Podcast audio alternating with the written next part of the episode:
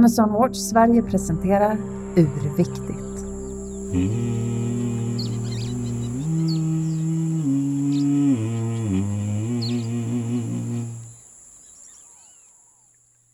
Detta är andra avsnittet av Amazon Watch Sveriges podd Urviktigt. Jag heter Alex och är generalsekreterare för organisationen i Sverige. Urviktigt är en podd som handlar om urfolk, miljö, djur och natur. Vi kommer att ha en mängd intressanta gäster. Allt från forskare till aktivister. Från kulturprofiler och konstnärer till våra egna medarbetare ute på fält. Vi kommer även att prata med urfolken själva. Inte alltid det enklaste. Förutom samerna kanske så är det relativt svårt nämligen att hitta urfolk som pratar svenska. Även svårt att hitta dem som kan engelska.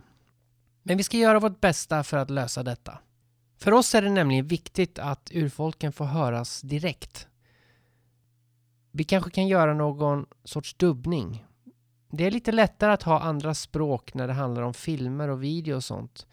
Eh, för då är det ju bara att lägga till undertexter. Men som sagt, vi jobbar på det. Nog om det. I detta avsnitt kommer vi att få besök av en artist, skådespelerska, författare, musiker, konstnär och entreprenör. Hon har gjort det mesta och är väldigt unik i Sverige. Hon är också ambassadör för Amazon Watch Sverige, vilket gör oss väldigt glada. Vi pratar om eh, hennes kärlek till naturen, om, om hennes livssyn, konst och karriär, om hennes musik. Men istället för att jag ska prata låt oss välkomna in Regina Lund. Tack för att du är med i Urviktigt. Tack för att jag får vara med. Och tack för att jag får sitta här och titta på solnedgången och se ut över vattnet och skogen i Sverige. Hur började din relation till naturen? Den här spirituella relationen som jag vet du har. Och jag vet inte om den är exakt spirituell. Allting behöver ju inte vara spirituellt. Allt är, allt är spirituellt och inget är spirituellt. Det är en relation man har med jorden och skogen och allting. Um, det börjar väl med att man föds på jordklotet helt enkelt. Det är då själva relationen börjar. Så att det, får, det får nog bli mitt svar, att det började när jag föddes och ploppa ut. Men nu sitter vi och tittar ut över svensk skog och svenskt vatten. Jag föddes i Finland eh, men skrevs i Stockholm, i Farsta. För att min mamma ville inte skriva mig i, Finland. För jag hade svenska föräldrar och det var, de var bara där temporärt på teatern där min pappa var teaterchef och mamma var dansös och skådis och pappa var regissör och teaterchef. Och de födde ut mig och sen åkte de därifrån. Så jag har liksom ingen relation till de finska skogarna. Men till den svenska skogen fick jag min första så här, vad ska man säga, praktiska relation när jag plockade blåbär med min farmor och farfar. För att när jag var två och ett halvt år så kom jag till min farmor och farfar och växte upp med dem i Gåsholma utanför Gävle. Och där i skogarna där gick jag, tultade efter som två och ett halvt åring, tultade efter min farfar Viggo som med starka advokatsteg, bestämda steg tog sig ut i naturen och, och åkte skidor och promenerade och plockade svamp och blåbär och åkte ut och fiskade och gick i skogen mycket. Så att jag försökte hålla hans tempo. Och det var nog liksom min första så här... Jag var väldigt liten när jag fick en relation till skogen. jag var mycket i skogen med honom. Och eh, långpromenader, alltid långpromenader. Ska vi gå upp en lång promenad? Skån, båda mina farföräldrar som jag växte upp med var skåningar. Från eh, Lund och Landskrona. Och, eh, så det var en märklig blandning av skånska och Gävlemål där i skogarna. Ja, då var det mycket sådär man kunde se älg på vägen ut. Då var det ju mycket så här. Det var mycket vilda djur faktiskt.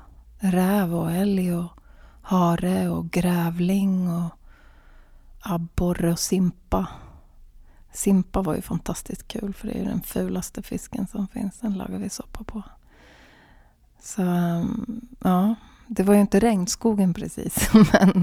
Men vi är ju alla urfolk från där vi kommer ifrån.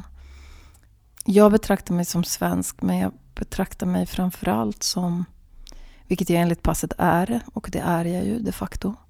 Helsvensk på alla sätt och vis. Eh, rent genetiskt också. Farmor var kanske vallon.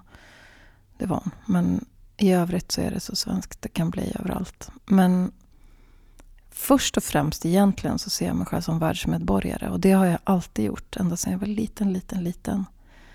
Så har jag alltid betraktat världen utifrån att man är en världsmedborgare och att vi har ett kollektivt medvetande där vi liksom emotionellt på ett plan tar ansvar för hela jorden. Och det var när jag var väldigt liten som jag började faktiskt drömma om Amazonas. Jag började liksom resa i kroppen och sådana saker som låter superflummigt. Men man kan väl säga att det var så här ett drömstadie man hade i, när man sov. Att man liksom kunde resa i olika, och i vaket tillstånd till olika platser. Och det tror jag egentligen alla har, bara det att vi medvetandegör väl inte så mycket i vår civilisation. I andra civilisationer så medvetandegör de ju um, själens resor och, och drömmens betydelse och så mycket mer än vad vi gör. Men jag tycker inget är bättre eller sämre. Jag tycker att det är skönt att det också finns um, det här ettor och nollor och att det som finns, det finns och sen finns det inte när man inte ser det. Så att um, min relation till naturen började när jag föddes, det vill jag nog säga. Och någon form av kärlek och tillit till naturen. Träd framför allt och mark och vatten. Eller framförallt, varför måste jag rangordna? Vatten och havet är lika viktigt. Men jag tror att när man som jag då blir lämnad av sina föräldrar när man är två och ett halvt och växer upp med människor som man från början inte kände. Då hittar man ett utrymme i sig själv som blir väldigt starkt. Och det utrymmet är att man tankar ner det kollektiva medvetandet och ser sig själv som en del av hela planeten. Och jag är väldigt tacksam att jag fick den känslan väldigt tidigt. För det gjorde att jag kunde få empati för någon på andra sidan jordklotet när jag var väldigt liten. Jag kom till USA, för vi bytte språk till amerikanska i familjen när jag var fyra, för mina fastrar gifte om sig med amerikaner. Och då bara bytte vi språk, för de kunde inte lära sig prata svenska av den enkla anledningen bytte vi språk. Och jag kom till USA första gången jag var tio. Och det var till Houston, Texas. Och jag minns att känslan där var liksom att allting var så smärtsamt. Nyheterna, eh, det var ju fantastiskt också, men det var liksom ljudlagda nyheter och all den här... Det visades mycket mer än i Sverige då på den tiden. Vi var ju ganska förskonade och tror jag, så här, naiva på många sätt. Men när man började se liksom all smärta och all, alla hemskheter som fanns. Då, jag blev väldigt berörd av det, tror jag. Eller det blev jag ju förstörelse av naturen och så. Så när jag var 11-12 så var jag ordförande i elevrådet i min skola. Och eh, började liksom bry mig om naturen. Min farbror Johan som var 10 år äldre, han var så fältbiolog och väldigt intresserad. Så han kom ju hem och berättade massa fakta. Men jag hade väl mer, mera, precis som nu, så hade jag alltid den eh, emotionella ingången på naturen. Och jag satt och diskuterade med min farfar som var så här, ska du, ska du förstöra allt det vi har byggt upp här, industrialismen, vill du bara ta bort det och vi ska bo i, då skulle inte du kunna duscha som du gör och sådär. Um, ehm, och det hör man ju de säger på tv nu liksom. Fast att det här var ju hundra år sedan som vi satt och pratade vid köksbordet. Liksom. Och jag tyckte alltid att vi skulle gå tillbaka till naturen. Jag visste inte hur, men jag ville det. Och så jag var kanske sex sju år när, jag, när drömmen om att liksom åka till Amazonas och i regnskogen och de större skogarna och de större naturområdena föddes. Men sen blev, var jag ju också ofrånkomlig skådespelerska och artist. För jag var liksom ammad i en teaterloge. Och jag fick liksom tidigt se teatern. Och när jag hälsade på mina föräldrar sen längre fram så fick jag ju liksom lära mig yrket väldigt tidigt. Så det blev så här naturligt för mig att bara kliva in i det. Annars tror jag nog att jag hade liksom blivit någon form av aktivist och, och naturmänniska om jag inte hade haft en påverkan eller längtan kanske till mina föräldrar, till teatern och filmen som någonstans representerade den kunskapen som kom naturligt och som fanns där tillgänglig och som också var mina föräldrars frånvaro på något sätt som jag kom närmare genom kulturen och konsten. Sen har jag utvecklat en egen relation till det, självklart. Men eh, jag började jag började tänka på det här med det kollektiva medvetandet. Och jag gick väldigt mycket, när farfar, liksom, när jag hade tultat efter farfar där i skogen, i Putte i blåbärsskogen med håret på ända och, och djupare in i gästrikeskogarna och sett älgar och sådär. Så, I farfars fotspår. Så började jag gå själv. Och då får man ju en väldigt egen relation till, till naturen, självklart. Och därför har jag sån förståelse för urfolken för att den kärleken de känner vi anses ju flummiga om man, har liksom, om man kramar träd och tycker att det, man har en relation med dem. Liksom. Men i urfolken har ju, alltså i Amazonas, har inte den... De betraktar, de dömer inte varandra och sig själva och naturen på det sättet. De ser ingen, de ser ingen skillnad. Och det tror jag att jag heller aldrig riktigt har gjort. Att jag inte skiljer på liksom, natur och, och djur och människor. Att vi är liksom ett. Samma andetag och samma system på något sätt. Så jag har aldrig sett någon separation där. Sen när man växer upp och man kommer in i andra sammanhang så beroende på vad man är så får man mer eller mindre förståelse för det, för det sättet att känna. Sen jobbar man ju bort det och så går man in i ja, stressen av att repa upp något eller liksom älga på i sin industrialism och i, sin, liksom i det moderna samhället. Men det jag tycker är positivt just nu, det är ju, och varför jag också ville vara ambassadör för Amazon Watch, det är ju, och för att jag är hedrad att få vara det, det är ju för att det finns en slags respekt för det sättet att tänka att, och känna. Att man har en direkt emotionell relation till naturen. Och att man hedrar de folken som har det. Det tycker jag är väldigt befriande. Och ibland om man känner att man inte passar in, och det är jag nog inte ensam om att göra. Ni som lyssnar där ute är säkert miljarder som känner samma sak. Det är ju bara en, en känsla av att tillhörigheten eller navelsträngen till naturen på något sätt har huggits av och det känns inget bra. Och därför tror jag väldigt många är förvirrade. De irrar runt i staden liksom på väg till naturen egentligen. Och så hittar man sina naturliga små vattenhål där man känner sig trygg och där man kan pausa liksom, eller leva eller skapa. Och vi återskapar naturen tycker jag. Jag lyssnar på mina skivor, liksom, vad är det nu, åtta plattor jag har gjort liksom, och 150 låtar kanske jag skrivit genom åren. Och skriver fler. Och även om allting handlar om liksom, relationer och kärlek och, och natur och, och känslor och färger och dofter och intryck så kan jag ändå känna liksom att ja, men det här är ju det här är ju en längtan till naturen. Liksom. Det är en längtan till... Man försöker återskapa naturen. Man försöker återskapa någonting vackert som har varit. Eller, eller man reagerar när det är en så arg rocklåt. Liksom, eller, eh, då kan jag känna att jag reagerar på det som är sjukt i samhället. Även om inte mina låtar är inte politiska alls. Eh, även om Dare kanske är det lite grann på ett sätt om man tolkar den. För jag säger um, Don't uh, serve the country that spilled your blood. We're all one ocean, we're all one flood. We're all one nation, we're all one kind. We're all that one love that's so very hard to find. Non-violence, please.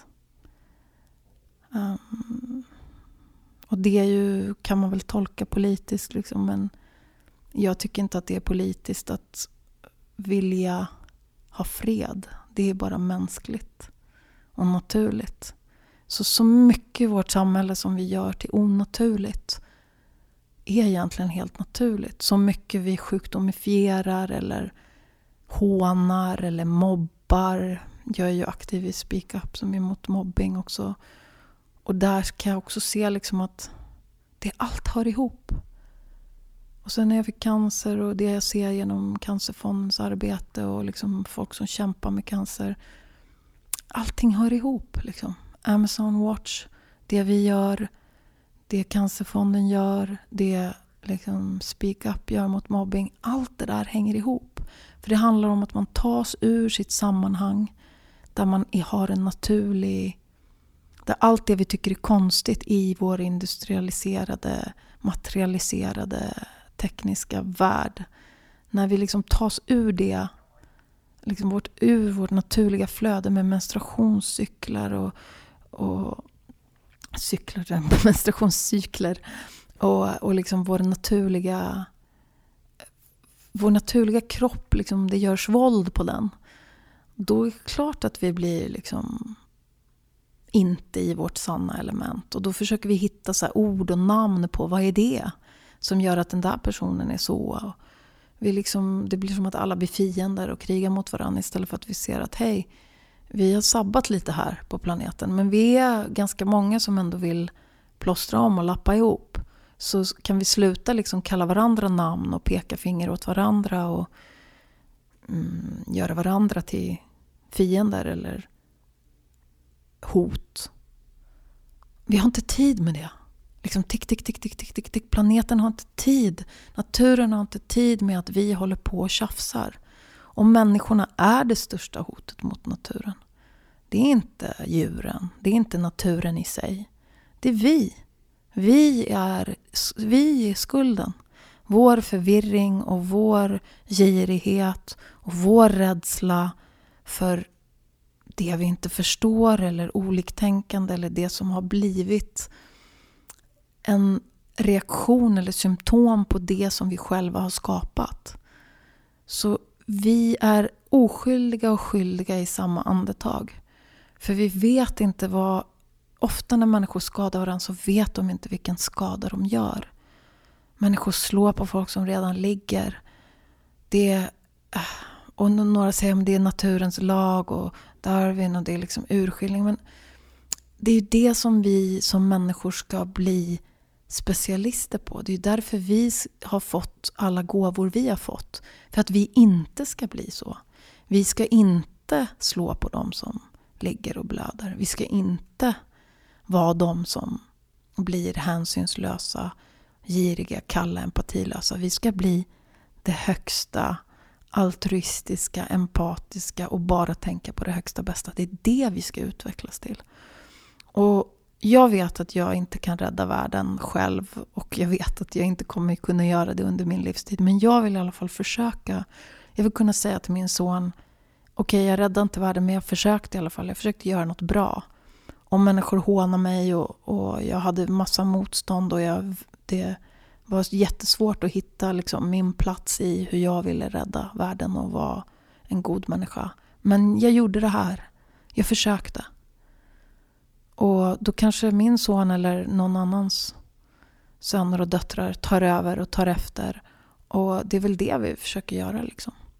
Så min relation till naturen är att jag finns, att jag lever. Och den är dagligen, även om jag bor mitt i stan. Och även om jag sitter på tunnelbanan så ser jag natur i alla människor. Jag ser att alla längtar. De som är liksom Eh, i våra ögon jättetrasiga eller i våra ögon jätteanpassade och välvårdade och oskräckinjagande och, och eh, mainstream och alla de som är utflippade och, och som ingen förstår sig på. Hela det där spektrat, det är natur. Det är, det är human nature. Så ja, nu blev det väldigt långt här. Många kanske inte tänker på det. Man brukar ju se staden som en grej och naturen som en annan. Men staden står ju i naturen. Exakt. Och det är väl det som vi har fått hybris som mänsklighet, att vi liksom tror att naturen omger staden. Det är faktiskt precis när man ser så här villaförsäljningar och husförsäljningar. Ja, det är naturnära. Ja, klart som fan det är naturnära. Hus, husjäveln är ju byggd i naturen. Vad trodde du? Liksom? Du nämnde om, lite kort om Darwin, Survival of the Fittest. Mm.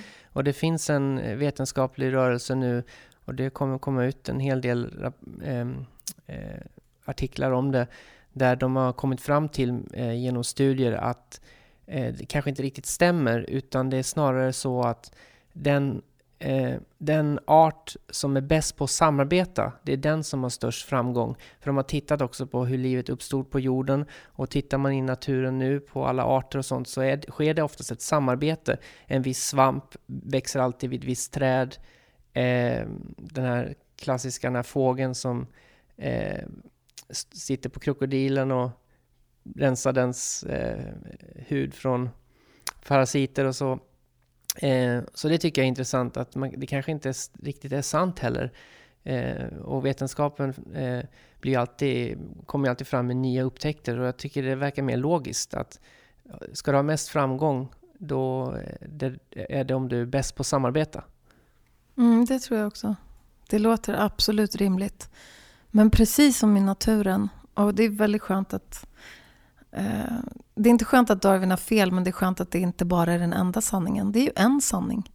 Jag tror på att det finns många sanningar, lika många sanningar som det finns människor och lika många sanningar som det finns träd i skogen.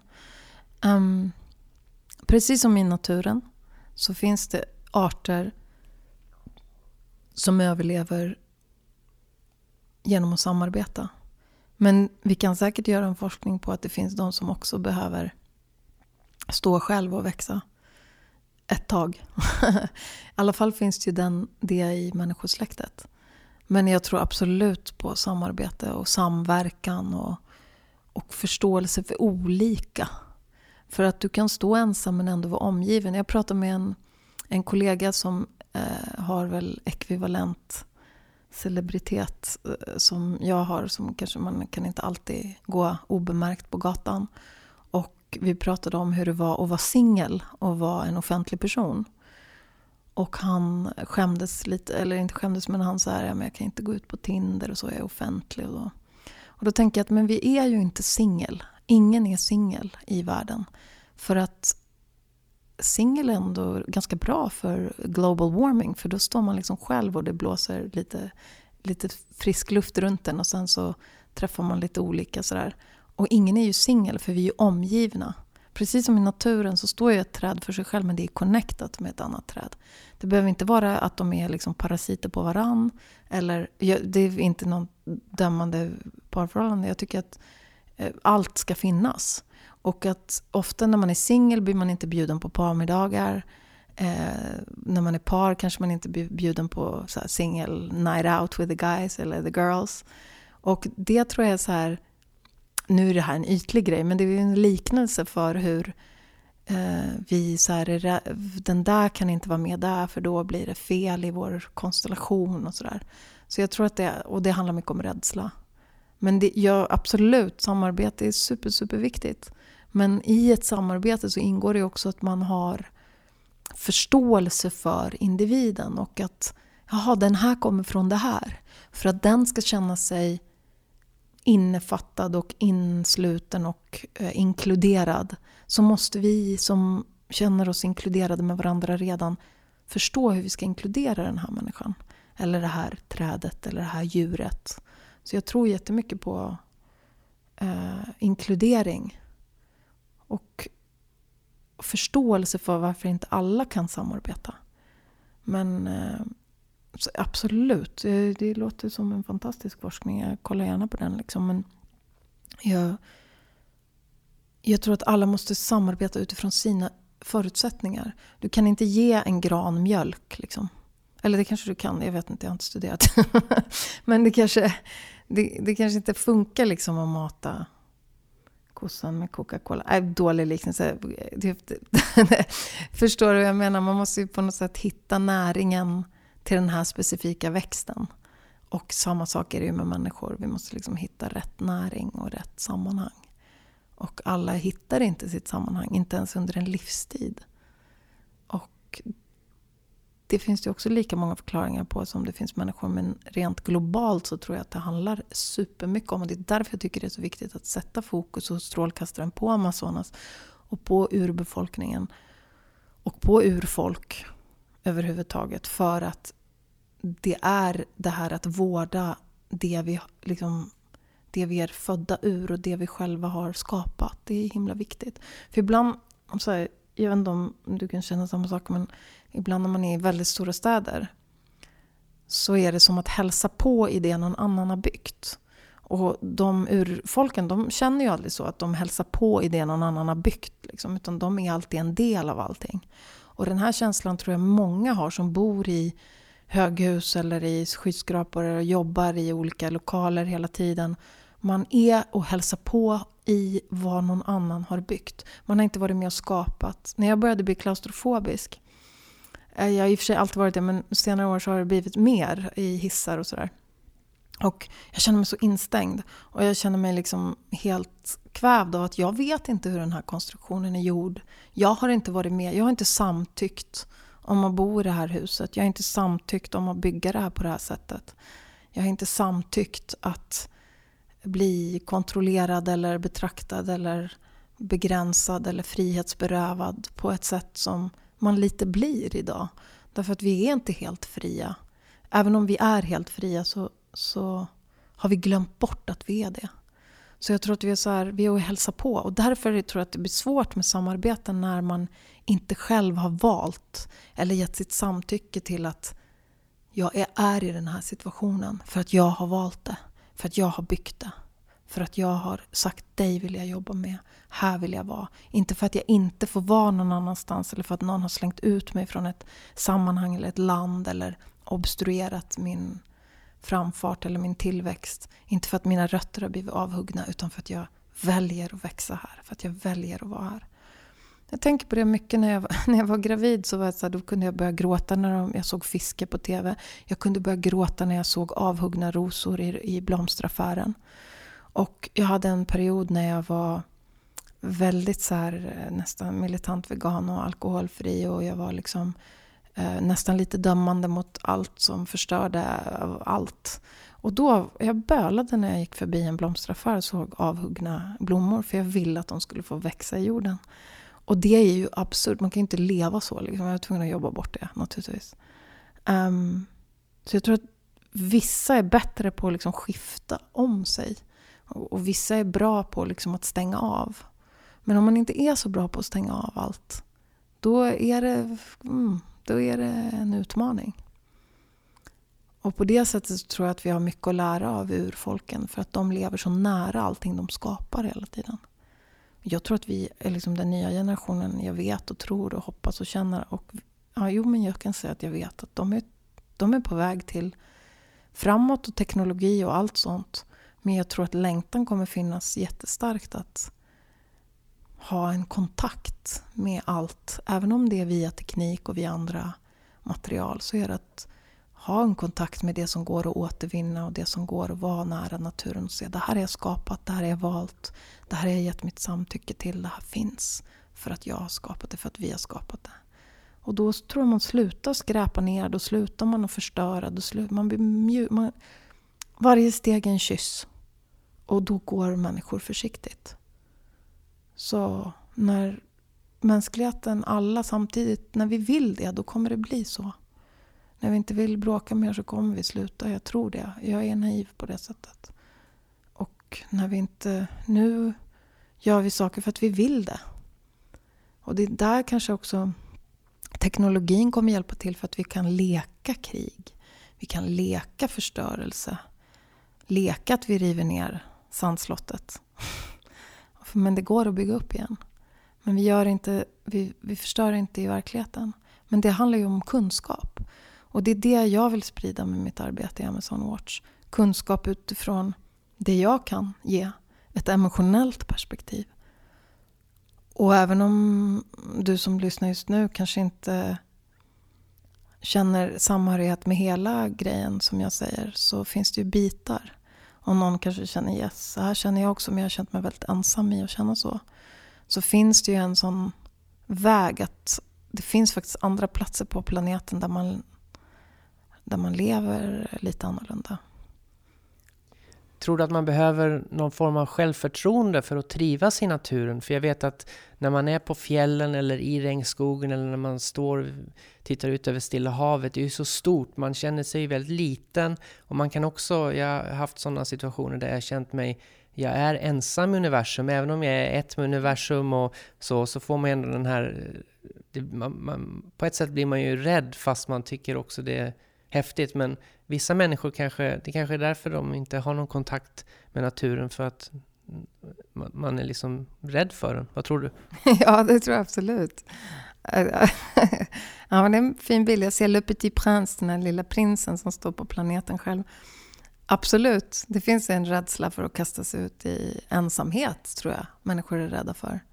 Jag har aldrig varit rädd för ensamheten för, och aldrig varit rädd för ensam i naturen.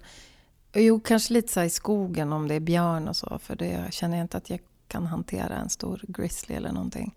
Men jag har rest mycket. Nu i somras så reste jag i Australien en månad och jag var i Afrika. Och då var jag, jag gick längs med oändliga stränder och stod jättemycket ensam och var jättemycket ensam. Jag reste liksom ensam. Själv tycker jag är nästan bättre ord än ensam. För jag var aldrig ensam, för jag var omgiven av oceaner och vatten och delfiner och hajar och sand. Och människor fanns ju där nära liksom.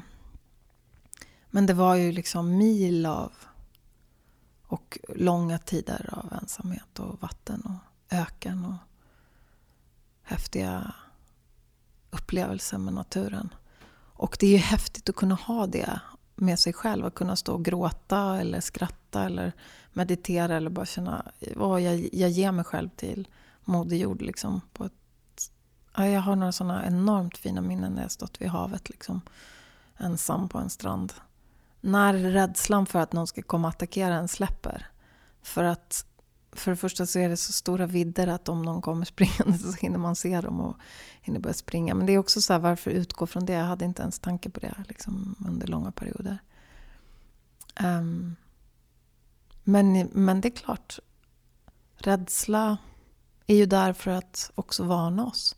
För jag tror inte att man ska vara ensam för länge. Jag tror att man ska, eller man ska, det där backar jag. Men jag har en illusion av att jag tror att det kanske inte är så bra att vara själv för länge. Men jag, jag dömer in, varken mig själv eller andra som vill vara ensamma med naturen. För det är en relation. Jag såg en, eh, en dokumentär om en, en man som levde ensam uppe i Sibirien. Och det är liksom, de har ju relation till så mycket. Till sin hund, till Grislin, till Eh, fisken, till havet, till snön, till allt. Och eh, samma sak i varma länder. Alltså, det är ju... Rädslan har vi för att vi är så detached, vi är så fråntagna ifrån naturen. Så jag tror egentligen är det ju mest stadsmänniskor som är rädda för naturen. Det är inte de som bor i naturen som är rädda för naturen. Utan det är ju de som... Ja, men jag minns när jag var liten, farfar, min farfar liksom hjälpte mig att komma över min rädsla och gå ut i naturen. För när, någonstans när jag var tonåring och hade varit mycket i stan och, så där, och kommer ut på landet. Då var jag ju rädd att gå ut i skogen. Nej farfar jag vågar inte gå själv. Här, men herregud, du vågar ju gå på stans gator på kvällen. Det är ju mycket, mycket farligare än att gå i naturen. Min mormor som bodde i Blekinge, nära naturen. Hon var rädd när hon fick veta att jag sprang runt i tunnelbanan. Ja, ah, amen på den alltså. För att jag åker tunnelbana dagligen där jag bor och det är ju, det är ju enormt mycket läskigare och farligare än vad det är att vara i naturen. Men det tror jag nästan alla känner. Det är därför nästan alla är rädda. Och det är ju ett väldigt onaturligt liv vi lever. Och det är inte konstigt att så många människor mår dåligt. Så jag känner att jag, jag hade en dröm för 25 år sedan kanske mer till och med, kanske var ännu yngre. Att jag ville åka till Amazonas. För jag såg hela tiden Amazonas. Jag har aldrig varit där.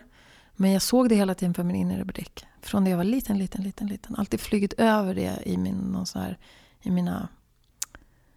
När jag åker upp i min guldkropp och flyger runt och kollar vad som behövs göras i, i ljusarbete på jorden och skicka kärlek och energi och sådär. Bara tankar. Det är inget flummigt, det är bara humor och roligt och lustigt och skönt. Men då åkte jag alltid till Amazonas. Och så hade jag en dröm så här, att jag ville åka till Amazonas, lämna civilisationen, bli med barn i Amazonas, filma hela graviditeten nio månader och filma födseln, föda i djungeln och leva i djungeln för att bevisa att det gick att lämna civilisationen ute i djungeln. Jag tror att jag var elva första gången jag presenterade den här idén för min farfar. Eww, sa han. Tosse. Han tyckte jag var crazy. Men um, nu har jag en son på 18 och som ni förstår så födde jag honom inte i djungeln utan jag sitter här ändå i naturen men ändå i stan, inte i djungeln. Um, så nu tänker jag att jag får åka dit och inte föda barn men sätta strålkastaren på, på Amazonas. Höll du på med musiken samtidigt som du gjorde din skådespelarkarriär och sen tog den över senare eller hur, hur var den processen? Ja, um, som fyraåring debuterade jag på film. Jag skulle kliva ut i skogen faktiskt och säga mamma, mamma, vakna. Och det var mamma låg i skogen. Jag skulle gå fram till henne och säga mamma, mamma, vakna. Varsågod, tagning. Jag går fram och säger mamma, mamma, jag tror det finns myror här. Jag tog in, jag spelade realistiskt. Vi var i skogen, det var en jävla massa myror. Ah, bryt dem fyra gånger. Men det finns myror här! så jag blev bortklippt. Där startade min karriär som skådespelerska. Sen när jag var 11 var jag med i min pappas film som heter Den nya människan. Sen när jag var 12 började jag dansa och sjunga i Gävle musikteater och i Gävle lyriska. Vi gjorde nyskrivna musikaler och så det var dans och sång från början. Vi gjorde operetter, musikaler, hela tiden parallellt med skolan. Och när jag var tio började jag som elitgymnast. Så jag hade hela tiden gymnastiken, dansen, sången. Jag hade en showgrupp i Gävle som hette Rendezvous och vi liksom körde loss med musik. Sen eh, när, jag var 20, när jag var 18, 19, jag var i USA först. Och sen var jag i England och då var det mycket dans. Det var dansen som tog över handen. Lite vattenpolo men också dans. Och sen när jag var 19 kom jag in på juristlinjen. Påbörjade juristlinjen. Hoppade av. Eh, gick MBVs teaterverkstad. Spelade sån här tung dramatik. Som 21-åring kom jag in på scenskolan i Göteborg. Och då var det ju teater, teater, teater. Men också musikteater. Jag propagerade för att vi skulle ha musikteater på skolan. Och det, den har det nu idag. Så när jag gick ut skolan så gjorde jag först Ofelia i Hamlet. Turnerade i hela Sverige. Sen gjorde jag Häxjakten. Sen fick jag rollen i Rederiet. Eh, och sen samtidigt gjorde jag en komisk figur i radio. Samtidigt så började jag, ehm, så filmade jag. Samtidigt repeterade jag musikalen Hetaste laget. Och när jag hade gjort Hetaste laget så kom det jättemånga skivbolag och låtskrivare och sa din röst, vi ska, jag vann pris för bästa musikalartist. Och de ville ha min röst och de ville att jag skulle göra plattor. Men då ville jag göra performance och massa andra konstigheter som jag hade för mig att jag ville få gjort. Men 1997 så... Jag skrev mycket dikter. Då träffade jag Johan Norberg. 96, när jag hade gjort Aspiranterna, träffade jag Johan Norberg. För jag läser mina dikter på Öland. Och då säger han, får jag tonsätta den där? Jag läste en dikt som heter Pure. Ja, det får du absolut. 17 dagar senare så hade vi en hel platta klar. Och det blev Unique som jag blev Grammis-nominerad för. Sen, och då tänkte ju alla, nu har hon hybris. Liksom, ska hon vara skådis och sen bli skå, liksom, album soloartist också. Men så fick jag skitbra recensioner så höll alla käften så fick jag göra det jag ville göra och pågå ändå. Um, och sen dess har jag pågått. så det blev Unique och Year Zero. Och sen hoppade jag av Warner för att göra min egen platta. Um, Everybody's Darling. Och eh, så skaffade jag en egen label som heter Regina Records. Så jag har försökt liksom... Det har inte varit kanske det smartaste draget rent liksom överlevnadstekniskt i den här världen. Men eh, jag har väl mer eller mindre kompromisslöst gjort det jag har känt. Kompromissen har kanske varit att jag inte haft så mycket resurser. Men jag har ändå alltid producerat något nästan varje år. Och um, när jag gjorde plattan.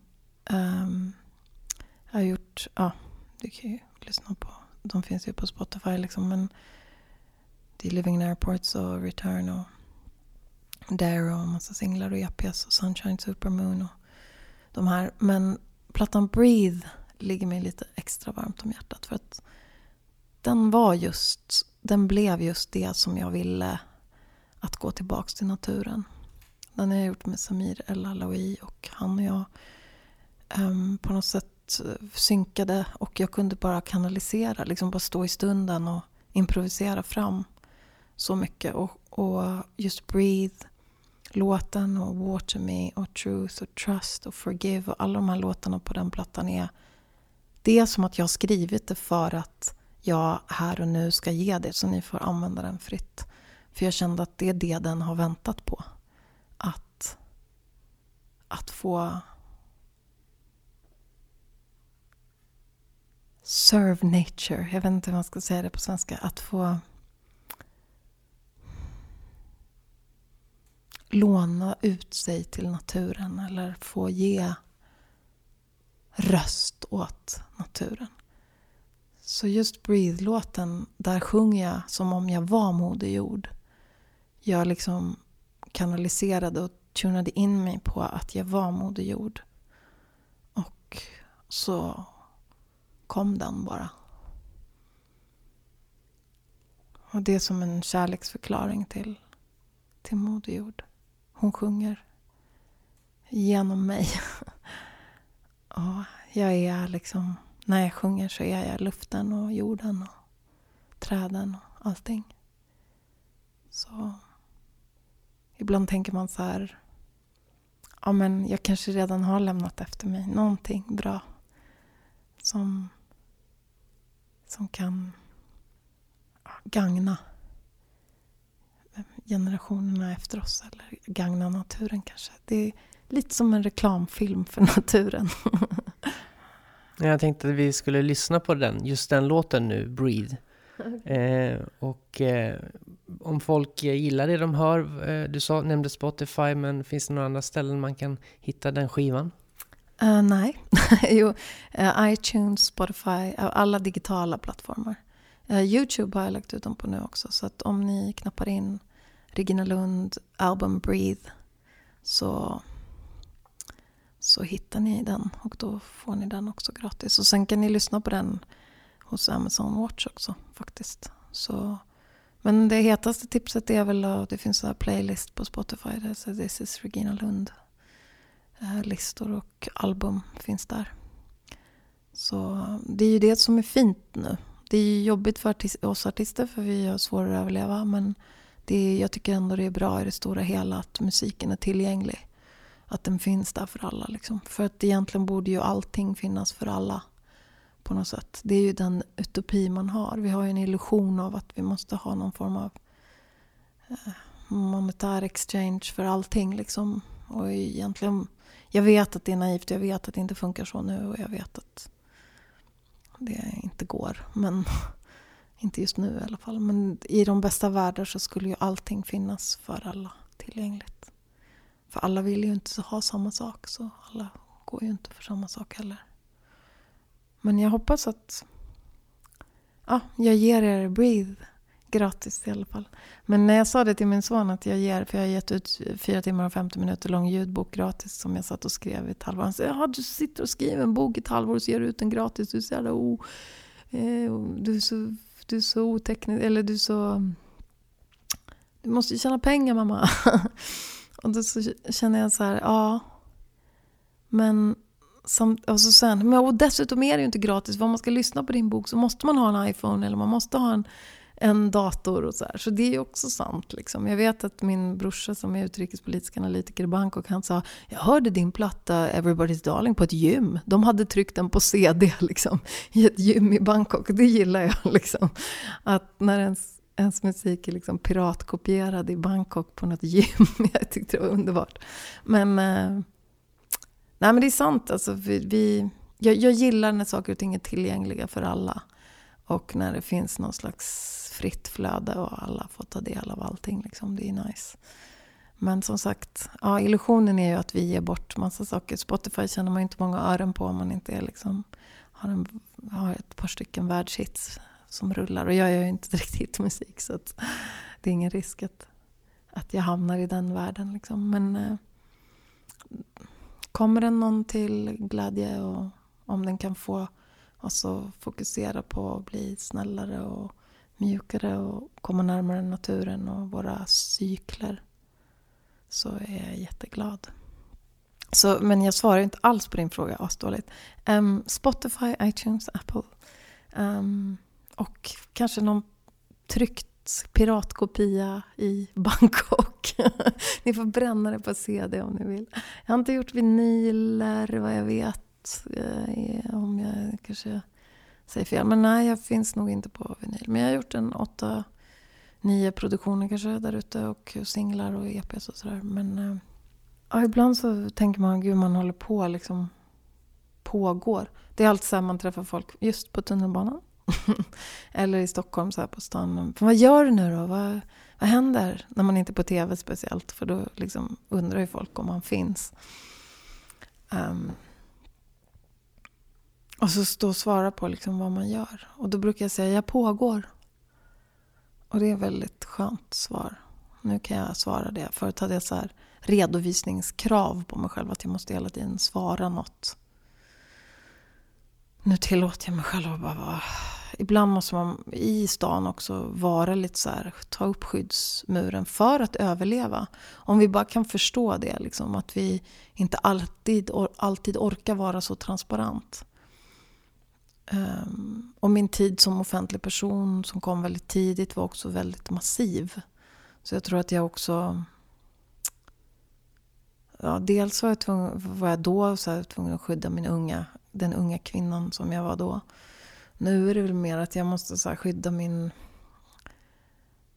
min andlighet och min energi. Liksom, så att jag inte sprider den där jag inte kan hålla ihop den liksom, till det den ska vara till. För man vill ge till alla.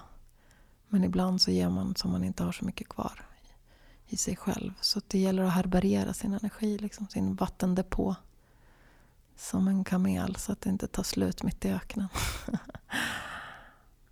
det jobbar jag på ganska mycket. Att försöka ja, hitta vägar att, utan att vara otrevlig mot folk. Fast det kanske man blir ibland när, man, när människor förväntar sig att man ska... Men det är ju ganska vanligt som offentlig person att man... Mm, det är därför det är så skönt att resa till andra platser också. För att man får vara i fred med sin energi och sina tankar och sin meditation och sina slutledningar. Liksom. Men ibland kanske det inte finns förståelse för att man också måste ha sin space. Liksom. Och då får kanske markeringen ibland bli lite hård. Och ibland så går man in i och tänker att jag måste vara... Jag kan, jag kan bli så i alla fall, att jag stressar in i att jag måste bli eh, det som förväntas av mig. Att man inte gör det man vill utan det som andra förväntar sig att man ska göra. Och till och med när man liksom ger intervjuer så här i en podd. Nu känner jag att jag kan vara helt ärlig när jag sitter här i skogen och tittar på solnedgången. Gud vad den är vacker. Den är alldeles lila, rosa och röd och vit och blå. Wow, den är ascool. Eh, och vi sitter här mitt i skogen och det är solnedgång och vatten. Då är det så enkelt att vara sig själv. Men i stan så när man ska relatera till liksom en bild av en själv eller förväntningar eller klädkoder eller sociala koder. Då är det ju jättesvårt att vara sig själv. Det tror jag nästan alla tycker. Och då blir ju, eftersom man eh, gör intervjuer och poddar och, och tv och allting sånt, gör man ju oftast i någon slags eh, mammonvärld liksom, eller i, liksom, där det inte är hundra samtycke överallt. Då blir man inte helt hundra transparent och sann heller. I alla fall jag har inte lyckats vara det alltid tycker jag. Även om jag ofta får höra att du är så modig och du är så... Jag tycker inte alls att jag är modig. Jag tycker att jag har massa saker som jag borde vara modigare inom. Liksom. Men det är ju skönt att man har något kvar. Så att... Eh, ja, men en modig grej är ju att våga stå för att man tycker det man tycker och känner det man känner. Det är så ungefär, men det där har inte... Har du tyckt det förut? Ja, nej men det har kanske inte stått i någon tidning eller syns i tv. Men det är min... Jag äger rätten till min egen person. Jag äger rätten till mina egna åsikter och min egen resa. Och din egen resa har ingen annan med att göra egentligen. Och det är väl någonting man blir lite defensive about. Liksom man blir väl lite så här skyddar sig när folk ska in och tycka att de vet vem man är. Eller bara för att verkligheten är inte i tv eller i tidningar eller på Facebook eller på Insta eller på, mm, på ja, i låtsasvärlden. Den är där också, men det är inte hela sanningen. Så hela sanningen om sig själv och om ens egen relation med sig själv och med naturen och så vidare. Det har man bara svaret på själv tror jag. Jag kommer inte ihåg vad han heter, Nobelpristagaren som sa att den vi har allra närmast oss kanske vi känner max 25 procent. Och det tror jag också att det finns, det är det som är så spännande att vara människa. Att vi håller på liksom och kan inte lära känna, det tar mer än en livstid att lära känna sig själv. Och det tar mer än en livstid att lära känna någon annan. Så vi, jag tycker att vi måste vara ödmjuka och goda mot varandra för att vi känner inte den innersta kärnan av någon annan. Och det är förmätet att sätta sig över någon och analysera någon och säga att jag känner dig, jag vet vem du är. Det har ingen annan rätt att göra tycker jag. Jag tycker inte om när människor fråntas rätten att vara sig själva.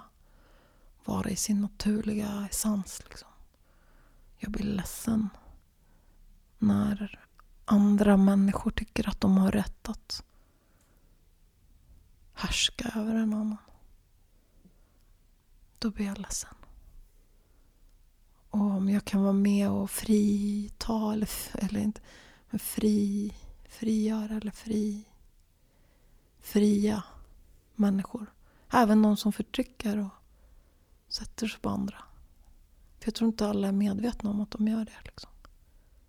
Nej, det är väl egentligen någon sorts hierarki. Någon gör ett beslut och så ska någon annan utföra det beslutet och så anlitar den någon som gör beslutet och den som till slut gör förtrycket mot den andra människan, den, nej men jag gör bara mitt jobb. Exakt. Exakt så är det. Exakt så är det. Och det är så smärtsamt. Det är så ofantligt smärtsamt. Det är därför det är så viktigt att fatta sina egna beslut här i livet. Och tänka själv. Och inte börja marschera i en riktning som man inte själv har stakat ut eller känt efter. Är det här, vart, vart går den här marschen? Eller eh, ibland så kan det ju bli helt...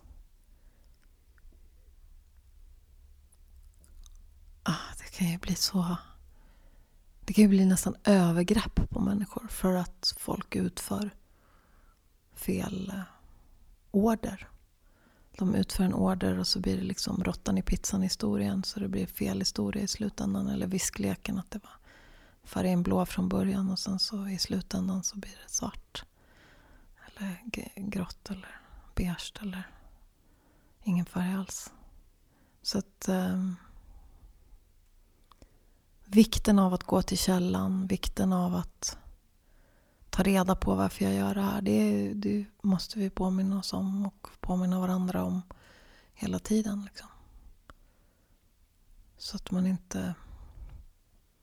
Jag gillar det som sker nu, att det, kidsen i skolan får lära sig källkritik och så. Att de får, bara för att det har en väldigt tjusig, stark, stabil guldport liksom, där man går in och får informationen betyder inte att informationen är rätt. Eller att det är någonting man måste utföra. Och det här är återigen illusionen av att vi inte är fria. Men alla är fria. Det är ju bara rädslan som gör att vi vill kontrollera varandra. Kontrollera andra. Och så tror man då när man själv blir kontrollerad så tror man att man måste försvara sig och kämpa ifrån. Och det är då det blir krig ju. För att man kanske måste försvara sig för att överleva eller för att rädda sitt barn eller vad det kan vara. Ja, jag vet inte om ni ska se en bra film så se Before the Flood. Till exempel som finns på National Geographic. Den finns gratis på Youtube. Bara, ibland tror jag att det är viktigt för oss som går in i det, det lilla, liksom, de små krigen i vardagen, i världen. Att flyga upp och se saker och ting i ett större perspektiv. Eller alternativt gå inåt. Bo inuti och liksom nära den relationen. Man får, vi lägger oss i liksom andra människors liv på ett sätt som vi inte har rätt heller. Ibland tänker jag det också att vem är jag liksom ambassadör och lägga mig i urfolken? Har de bett mig? Nej. Men jag trespassar inte heller deras, jag går inte heller över deras gräns utan jag är bara här och tänker att jag vill stötta er för att jag gör det ni tror på. För att jag tror att det är rätt. Mm, tack för att du tog din tid att vara med. Ja, tack för att jag fick. Och kolla nu, vi måste berätta för lyssnarna att det är världens finaste solnedgång. Nu är den här solen alldeles orange som en, ett brinnande klot. Och det är så här varmt och det känns som det är bara kärlek mellan solen och jordklotet. det är en bra avslutning. Andas. This earth is sacred. This ground will last. I was here long before you. I've traveled here before. I'm the gateway. I'm the door. I was here long before you. Long before you all were here. I was there to prepare you, to guide you. I'm your nature. I'm the earth. Breathe me. I'm the air. Breathe me. I'll be there. Breathe. Breathe. Breathe.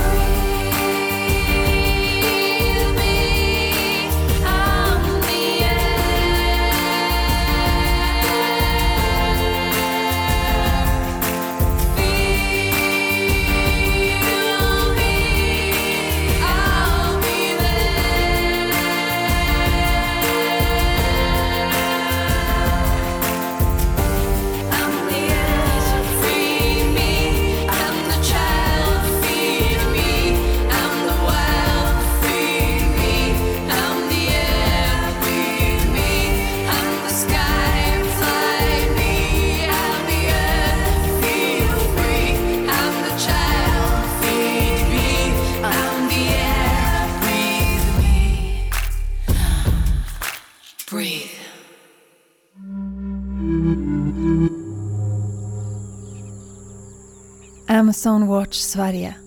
Vi stödjer urfolken. Vi skyddar regnskogen. Gå in på amazonwatch.se för att läsa mer. Tack till alla er som vill bidra till vårt arbete. Swisha din gåva till 900 5422. Jag heter Regina Lund och jag är ambassadör för Amazon Watch Sverige och jag tackar er från botten av mitt hjärta. Det ni gör är viktigt. Ni räddar planeten. Tack! Vill du hålla koll på vad Regina Lund har för sig, följ henne i sociala medier. Söker du hennes namn kommer du enkelt hitta rätt. Hennes hemsida är reginalund.global.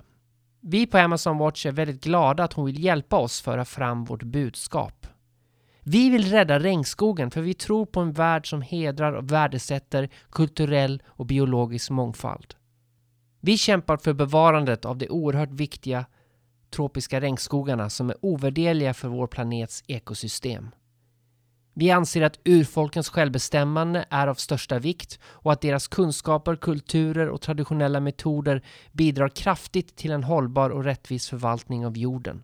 Vi strävar efter en värld där regeringar, företag och det civila samhället respekterar kollektiva rättigheter för urfolken. Vi vill ha en värld som skyddar och bevarar jordens mest mångfaldiga och kanske viktigaste ekosystem, Amazonas regnskog. Vi är Amazon Watch. Genom partnerskap och ömsesidig respekt stödjer vi våra lokala samarbetspartners i Amazonas i deras ansträngningar att skydda liv, natur och kultur enligt deras önskemål och behov. Genom att stödja urfolken skyddar vi regnskogen. I nästa avsnitt kommer ni att få träffa vår internationella generalsekreterare Leila Salazar-López. Jag träffade henne nyligen i Ecuador när vi besökte ett event anordnat av Kichwa-folket. Tack för att ni lyssnade.